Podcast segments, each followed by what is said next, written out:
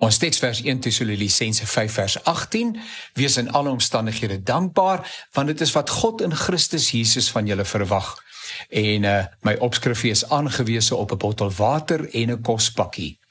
Gebeure wat ons met medelee vervul is natuurlik dit wat die afgelope tyd in Jagersfontein ge gebeur het waar 'n slipdam gebreek en mense se huise en wooneenhede verwoes is, benewens die lewensverlies en mense wat steeds nie opgespoor is nie.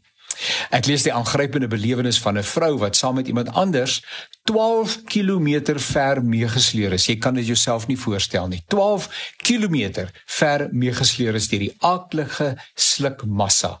En iewers slaag sy daarin om uit die stroom te ontsnap en hulp te soek.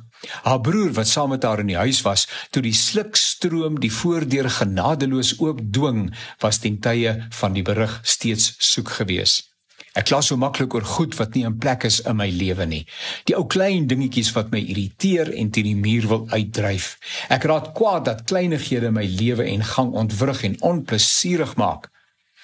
Maar nou nou sal ek in my funksionele motor klim na die naaste winkelsentrum ry en by die supermark gaan koop wat ek nodig het. Ek sal met my kredietkaart betaal en terug by die huis my kruideniersware in my koskas inpak. Wat in die yskas hoort, sal ek daar bære behalwe wat vrieskas toe moet gaan. Intussen sal ek die ketel aanskakel, 'n plunger uithaal sodat ek 'n heerlike koppie koffie gaan geniet en die bederfie sit ek so lank in die mikrogolf sodat dit warm kan word. Wat probeer ek sê? ek ons klaar met die wit brood onder die arm. Daar's mense, Jagersfontein se mense is daarvan 'n voorbeeld wat bakkant staan in hierdie dae vir 'n bottel water en 'n kospakkie wat soos altyd deur gift of the givers uit en afgelewer word.